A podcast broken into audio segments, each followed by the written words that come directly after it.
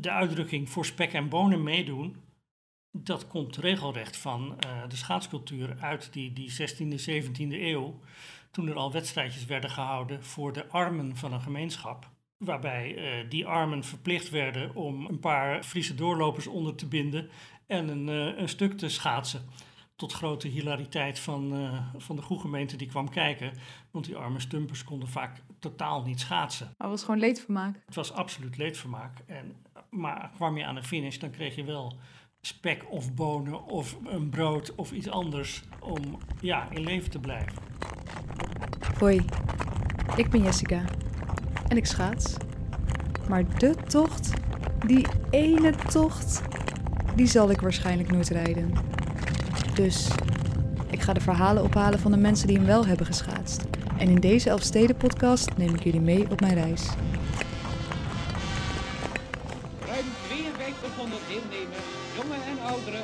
Alle provincies, zijn te Leeuwarden bijeengekomen om de traditionele rit langs de Friese Elfsteden te rijden. Hier in Hinderlopen moeten de rijders een stuk klunen, zoals heel Nederland nu weet. Overal wordt de doorkomst van de toerrijders tot een feest gemaakt. Het is tenslotte Evert van Bentum die juichend als eerste over de streep gaat. Na 6 uur, 46 minuten en 47 seconden. Hij omzeilde landmijnen op de Falklandeilanden om het ijs te bereiken. Hij liet zich met een militaire helikopter afzetten bij een ijsmeertje op het vulkaaneiland Tristan da Cunha, waarna de gouverneur hem prompt tot persona non grata verklaarde wegens burgerlijke ongehoorzaamheid. Hij probeerde zelfs te schaatsen in het Afrikaanse Lesotho. Daar was de dooi al ingezet. Ik vind deze prachtige karakterschets van mijn nieuwe gast in de Volkskrant. Ik spreek vandaag namelijk met schaatshistoricus Marnix Koolhaas. Hij weet, zo lees ik, schaatscultuur op de gekste plekken te vinden. Van Goethe tot gletsjers, van tango-legende Carlos Gardel tot de sultan van Boulungan. Hoogste tijd dus om met deze schaatsprofessor te duiken in de geschiedenis van de schaatsport. Ik uh, zal proberen te putten uit mijn uh, kennis en, uh, en, verhalen die ik eventueel paraat heb. Waar ik zo aan zat te denken was, ik wil zelf als schaatsen echt super graag die tocht ooit een keer rijden. Het liefste, dat is de mooiste tocht die je zou kunnen of willen rijden. Maar toen dacht ik, waarom eigenlijk, waarom wil ik dat al zo graag? Want wie heeft ooit besloten van dit wordt nationaal erfgoed, zo'n tocht. En dan juist precies die. Dat kun je niet van tevoren bedenken. Je kunt hooguit achteraf verklaren waarom dat die tocht is geworden. En ja, dan moet je teruggaan in de, in, in de schaatsgeschiedenis en, in de schaatscultuur van Nederland. Die uh, altijd een, een, hele bijzondere plaats heeft ingenomen in ons uh, nou, sociale en, en maatschappelijke leven en in onze sportieve leven. Dus ja, iedereen heeft daar wel iets mee. Nou ja, als je teruggaat tot, tot de 12e, 13e eeuw, dat, dat die schaats gemaakt is waarschijnlijk. Niet de oude koeienribben, maar uh, de schaats met een echt schaatsijzer. Ja. Ja, ik denk dat je helemaal terug moet gaan naar, naar de oorsprong van die schaats om te snappen waarom het zo'n enorme impact heeft gehad op ons uh, dagelijks leven en, en vooral op het uh, overleven in de winter. Want ja, dat was voor niemand een, een leuke tijd. Want het, het vroor dat het kraakte, vooral in de middeleeuwen, de winters waren veel strenger en uh, de armoede was veel groter. Dus die schaats was echt een kwestie van overleven of je die goed kon gebruiken. Je kon er uh, van alles mee transporteren naar de markt, voor zover dat mogelijk was. Je kon zelf veel verder wegkomen dan je normaal zou kunnen, uh, lopend. Of ja, als je geen paard uh, je kon veroorloven. Dus het was mobiliteit. Dus ja, dan zie je dat al vanaf de, de 13e, 14e eeuw die schaats zo belangrijk wordt. Het wordt ook een symbool van een, een soort van nationale cultuur. Daar komt nog bij dat in de reformatie, in, in het ontstaan van het protestantisme, wat zich losweekt van uh, de katholieke cultuur, dat daarin ook het carnaval niet meer gevierd wordt door de protestanten, want die vinden dat allemaal veel te losbandig en uh, niet tot de kern van het geloof behoren. Maar dan neemt eigenlijk dat schaatsen een beetje die taak over van dat carnaval. Echt? Ja, je ziet op het ijs dan allerlei feesten ontstaan, draaimolens op het ijs, allerlei, nou ja, de koek en zopie kennen wij nog steeds. En dat stamt allemaal uit die tijd. Is het ook daarom dat dan in uh, Noord-Holland en uh, dus in die noordelijke provincies eigenlijk meer schaatsen leeft? Dat heeft te maken met het feit dat, eh, dat er veel meer water is. Maar het heeft ook zeker met de reformatie eh, te maken, waardoor we een eh, scheiding kregen tussen wat nu het katholieke zuiden is en het protestantse noorden. Oh, dat is echt grappig. En dus kwam eigenlijk, eh, die, die, die ijsfeesten kwamen in de plaats van het carnaval. Alleen het verschil daarbij was dat het carnaval, dat is heel gereguleerd door de kerk. Je mag dan een bepaalde periode uit de band springen, maar daarna moet het weer normaal worden. Ja. En het aparte van die schaatscultuur is, dat werd niet van bovenaf gestuurd. Er was niet een Tialf-kerk die bepaalde wat je wel en niet mocht doen als er natuurijs was. En dat zie je zelfs tot in de reglementen, want er zijn wel allerlei regels voor hoe je, waar je op het land aan hebt te gedragen en hoe het op het water is.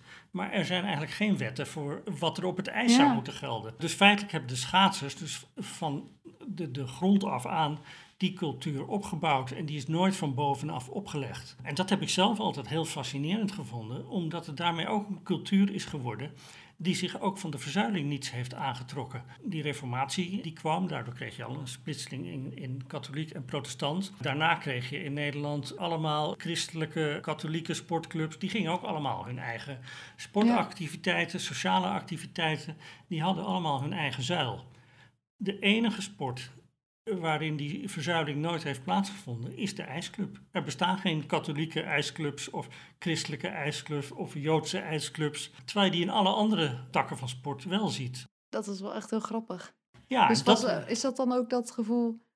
Als ik op natuurreis rijd, dan denk ik echt... Oh, je voelt je gewoon heel vrij, zeg maar. Je gaat gewoon lekker ja doen waar je zin in hebt. precies. Je, je, je snapt het ook helemaal, die beleving, als jij zonder veel moeite over dat ijs in een lekkere snelheid je helemaal eigenlijk los voelt zingen van het ijs. En, en als het ware, die metafoor wordt ook vaak gebruikt, als het ware op je ijzeren vleugels door het landschap vliegt. Ja, dat is een unieke ervaring en, en belevenis. En dat doe je inderdaad op een stuk land of een stuk grond die maar tijdelijk bestaat. Je moet er ook gebruik van maken als die kans zich voordoet. De regels die op het ijs gelden, ja, die bepalen de schaatsers toch eigenlijk meer onderling dan dat er een schaatsreglement is. Dus dat past uitermate goed bij een eigenwijze volk als Nederland misschien. Zeker, dat, dat, eh, ja, ik vind het altijd lastig om dat dan direct aan de volksaard te, Ja. te koppelen. Maar ik denk wel zeker dat die vrijbuitersmentaliteit die op het ijs bestond, dat die mede ten grondslag ligt aan het vrijheidsgevoel wat eh, Nederlanders in het algemeen hebben. Ja, Iets anders is die koek en zopie. Je mag nergens in Nederland zomaar een eh, winkel beginnen. Daar heb je een vergunning voor nodig. Maar als er ijs ligt en jij gaat daar met je stalletje staan, je gaat zelfs alcohol verkopen, wat de koek en zopie ook inhoudt, is er niemand die je dat zal verbieden. Dat is natuurlijk toch heel raar. Iets waarvoor je het normale leven een vergunning voor hebben, mag je daar allemaal doen. Het ijs en daarbij die kermissen en die feesten die werden gehouden, daar werd natuurlijk ook, ook bij gedronken. Zopie staat voor, is een oud woord voor een borrel. Dus daar oh, dat wist ik niet. hoort alcohol eh, bij te zitten. Dus me- ja, er zijn natuurlijk eh, warme chocola is het meest verkocht, maar daar kan ook een uh, scheutje never doorheen gaan. Of Berenburger of wat dan ook. Dus ja, het, het ijs en daarbij die kermissen en die feesten die werden gehouden, daar werd natuurlijk ook, ook bij gedronken. En je ziet ook dat het schaatsen als sport daaruit voortkomt. Want ja, als er op een gegeven moment, en wanneer weet je natuurlijk precies nooit, nooit precies wanneer dat geweest is. Je kan je voorstellen dat toen die schaats helemaal een beetje ontwikkeld was, dat er al heel gauw mensen tegen elkaar zeiden, zullen wij rijden om het hardst? Eh, Ja. wie is het eerst bij de kerk of bij de brug? Dus op die manier werd er al heel gauw, werden er wedstrijdjes gehouden. Nou, in het woord wedstrijd zie je al het, het wedden en het strijden. Daar werd natuurlijk ook gegokt op dat soort wedstrijdjes. En het waren vooral herbergiers die hun toko in, in de winter natuurlijk vaak achteruit zagen gaan. Want die zaten vaak aan, aan de trekvaart en aan, aan de vaarwegen waar de schepen langs kwamen. Want een wegennet was er nog niet. Dus eh, je klandizie moest je van het water halen. Nou, als het water bevroren was, dan waren de schaatsers hun klandizie. Dus die, die herbergiers die organiseerden natuurlijk graag wedstrijden. Want er kwam veel publiek op kijken. Die gingen allemaal lekker uh, aan de borrel. Daar kon je flink geld verdienen. En die herbergier die zorgde dan wel voor een paar mooie prijzen voor, uh, voor de winnaars.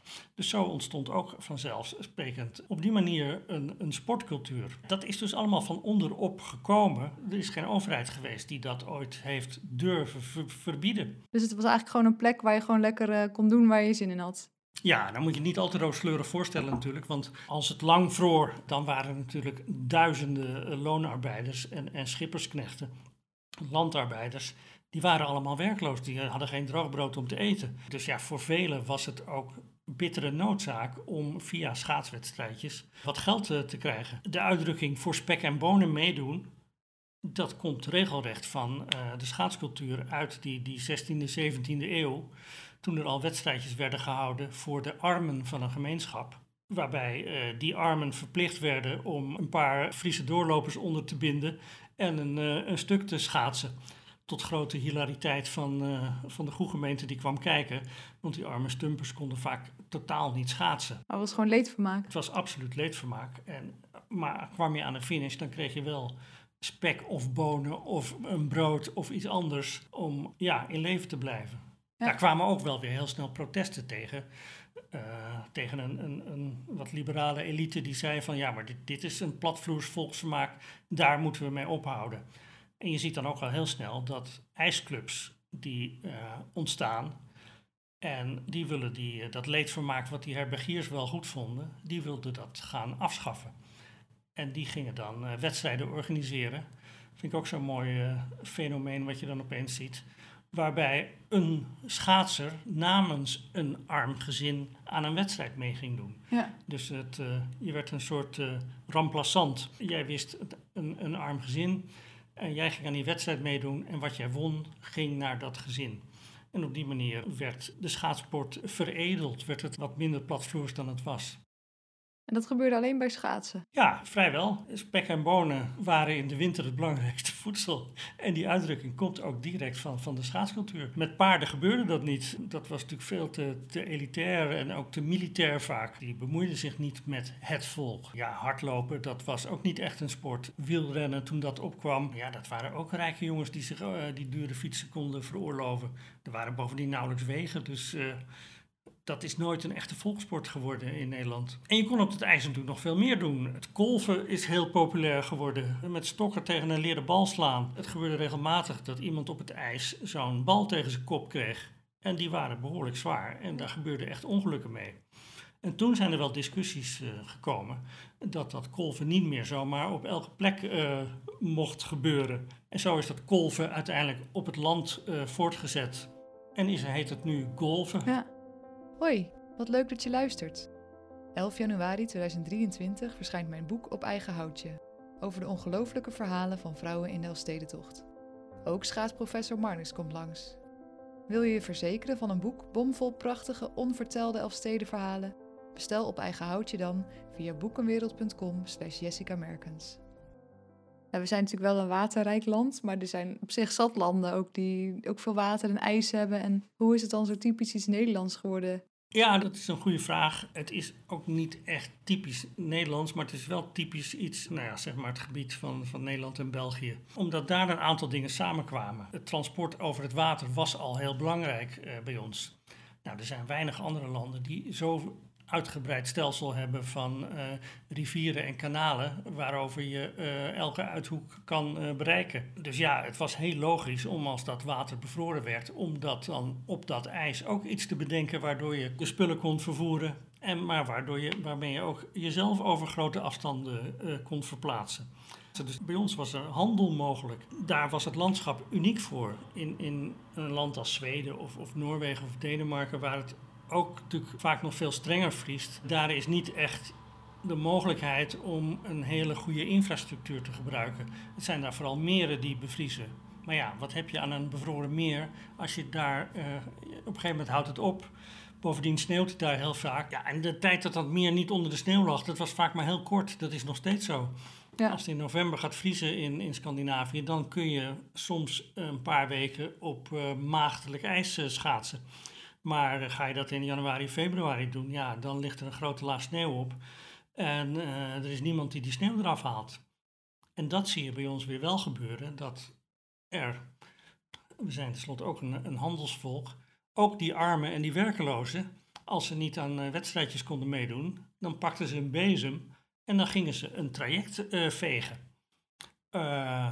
Maar kwam je daar als schaatser langs, dan moest je een cent betalen of een stuiver. Dus het werd een soort tolsysteem. en zo had iedereen zijn eigen baanvak wat hij moest vegen. En verdiende op die manier zijn geld. alleen voor de schaatsers was dat natuurlijk vreselijk. Want je had honderd losse centen nodig om een flinke tocht te kunnen maken. Elke keer weer betalen. Dus daardoor zijn er ook weer ijsclubs ontstaan die niet als doel hadden om wedstrijden te organiseren, maar die als doel ha hadden om wat de ijswegen heten, om die uh, te onderhouden. Dus die namen dan de baanvegers in dienst, die betaalden ze ook. En dan hoefde je als schaatsen niet meer voortdurend uh, die, die drie cent op het ijs te gooien om weer voorbij te kunnen. Oh, wat grappig zeg. En, en hoe is dat dan op een gegeven moment zo geworden dat er ook ja, dat, die, dat, we, dat er van die klassiekers, die wedstrijden en zo georganiseerd werden. Dat komt er eigenlijk vrij logisch uit voort. Mensen gingen tochten maken, ook voor hun plezier of om familie te bezoeken die ze uh, normaal in de zomer niet konden bezoeken. Omdat dat met de trekschuit eindeloos duurde en omdat een paard veel te duur was. Te voet dan kon je niet veel meer dan 5 of 10 kilometer per uur vooruitkomen. Op de schaats kon dat wel. En ook daar speelden die herbergiers weer een rol bij. Want ja, je moest toch af en toe even wat eten onderweg. En dan vertelde je wat voor tocht je aan het rijden was. En uh, zo kon je met name in, in Noord- en Zuid-Holland en in Friesland en Overijssel, nou, waar nog steeds de, de mooiste tochten te rijden zijn, daar waren schaatsers die vertelden dat ze die tochten gemaakt hadden. Die dat ook in hun dagboeken bijschreven. Dus zo weten we dat er in die tijd al uh, ook Elfstedentochten gereden werden door Friesen die dat niet als een, een, wedstrijd zagen. Maar ja, die Elfsteden waren er nu helemaal. Er waren tussen al die steden goede ijswegen te vinden. Dus ja, het was eigenlijk vanzelfsprekend dat er iemand op het idee kwam om eens een keer die Elfsteden langs te rijden op één dag. Want uh, ja, dat was toch wel uh, behoorlijk stoer. En zo is langzamerhand zijn die tochten een echte uh, aparte tocht geworden. Maar dat heeft heel lang geduurd, want ja, voordat die Elfstedentocht echt een officiële tocht werd. Dat is pas gekomen toen uh, Pim Mulier, de, de aartsvader van vele sporten in Nederland, voetballen, het wielrennen, rugby, tal van sporten heeft hij in Nederland geïntroduceerd. En hij bedacht zich, omdat in die 19e eeuw Nederland industrialiseerde, heel Europa industrialiseerde, dus, uh, en dat zorgde voor een enorme achteruitgang van de fysieke conditie van de arbeiders. Want die werkten zich helemaal uit de naad. Die hadden werkdagen van 12, 14, 16 uur. En Pimulier zag dat ook. En die dacht, ja, we moeten wat bedenken om de fysieke uh, gesteldheid van ons volk op peil te houden. Want als er ooit nog eens een oorlog komt, dan kunnen we met die ondervoede arbeidersklasse, kunnen wij dit land helemaal nooit verdedigen. Dus het was niet zozeer uit een sportieve gedachte dat hij dat deed, maar uit een militaire uh, idee. Hij dacht, als we nou sportieve elementen uh, introduceren en ondertussen ook zorgen dat er uh, betere voeding, betere behuizing komt, dan kunnen wij weer als land onszelf verdedigen als dat nodig is. En hij heeft dus op een gegeven moment bedacht, nou, we moeten een, een, tocht gaan uitschrijven van 200 kilometer. Hij heeft niet eens direct aan de Elfstedentocht uh, gedacht, maar hij had die wel zelf een keer gereden. Maar hij heeft toen alle provincies uh, aangeschreven, of althans de provincies met veel water, of een van die provincies in staat zou zijn om een uh, lange schaatstocht te organiseren, die dan in elke strenge winter gehouden zou kunnen worden. Nou, daar kwam als reactie op uit Friesland van, ja, goh, wij hebben hier elf steden liggen. En er zijn hier wel stoere jongens uh, en meiden die dat uh, wel eens uh, op één dag gedaan hadden. Want die schreven dan hun naam bij een herberg. mochten ze hun naam in de houten balk krassen. Echt waar, een soort van erelijst. Ja, nou ja, eigenlijk wat nu de brug is met de Elfstedentegels. Dat was toen de balk in de kroeg waar jij je naam op schreef. Dat jij op die en die dag de Elfsteden van Friesland in, het rond, in de rond had gereden. Ja. Dus ja, toen Pim Mulier dat vroeg wie kan dat organiseren, toen waren er in Friesland al meer dan genoeg ijsclubs. Uh, er was al een Friese ijsbond die, die uh, baanvegers uh, organiseerde. Dus ja, het was eigenlijk heel logisch dat Friesland toen zei van nou, dat willen wij wel een keer doen. Ja, en die, en die andere provincies die liepen eigenlijk een beetje achter.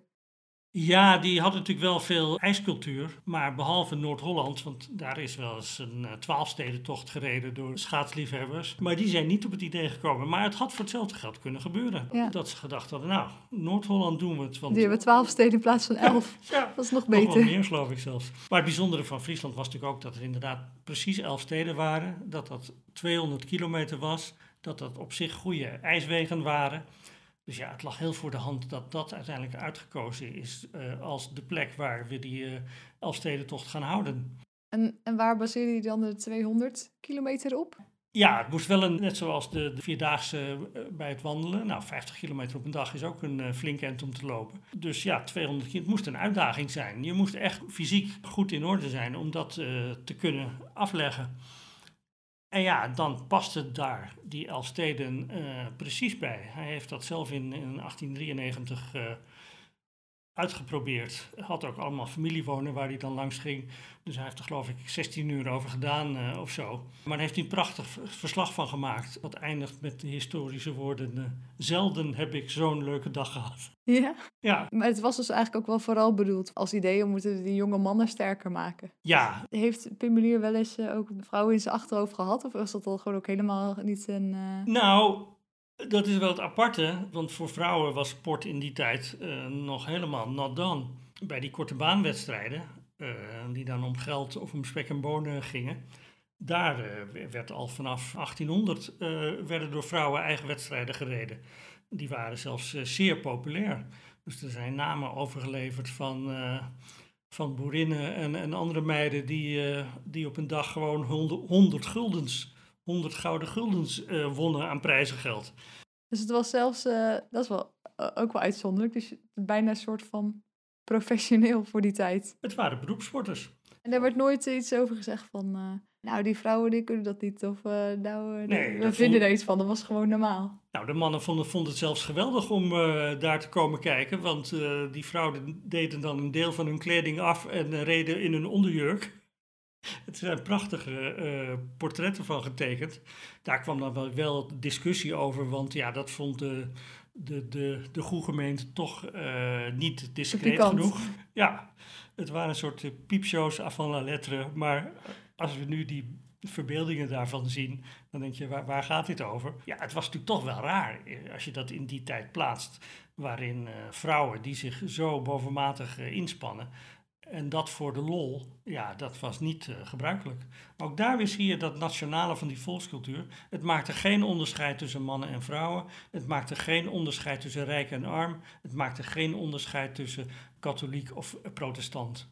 Je was schaatser en je werd beoordeeld op hoe je kon schaatsen. Ja, en was die Elfstedentocht dus ook vanaf het begin ook wel gewoon open voor iedereen? Ja, ja, iedereen mocht meedoen. Uh, bij die eerste tocht in 1909 er waren geloof ik een stuk of twintig uh, deelnemers. Dat waren wel alleen mannen. Maar al vrij snel in 1912 uh, deed, er al, uh, in, deden er al vrouwen mee. En dat, dat is zo gebleven. Wat wel apart is, is dat toen het een wedstrijd werd. En dat is het eigenlijk vanaf het begin ook geweest. Pas later is er een scheiding gekomen tussen de wedstrijd en de toertocht. Toen mochten vrouwen wel aan de wedstrijd meedoen, maar er was geen aparte prijs voor de eerste vrouw. Dat heeft uh, heel lang geduurd voordat hij er pas gekomen is. Je kunt zeggen dat is uh, niet erg geëmancipeerd. Aan de andere kant juist weer wel, want er werd ook geen onderscheid gemaakt tussen man of vrouwen. Ja, het is gewoon de snelste die wint. Ja, en er zijn zelfs overleveringen uit de 17e eeuw, waarin uh, een, een, Italiaanse bisschop die hier langskwam, uh, die tot zijn grote verbazing opmerkte dat bij hardrijderijen zelfs de vrouwen af en toe de mannen versloegen. Dus ja. We weten niet of het zeker is, maar het bewijst dat uh, er geen onderscheid werd gemaakt. Als jij als vrouw ook aan die 200 meter mee mocht doen, ga je gang maar. En uh, er waren al snel ook vrouwen die dat inderdaad uh, op hun gemak uit konden rijden. Geen enkel probleem.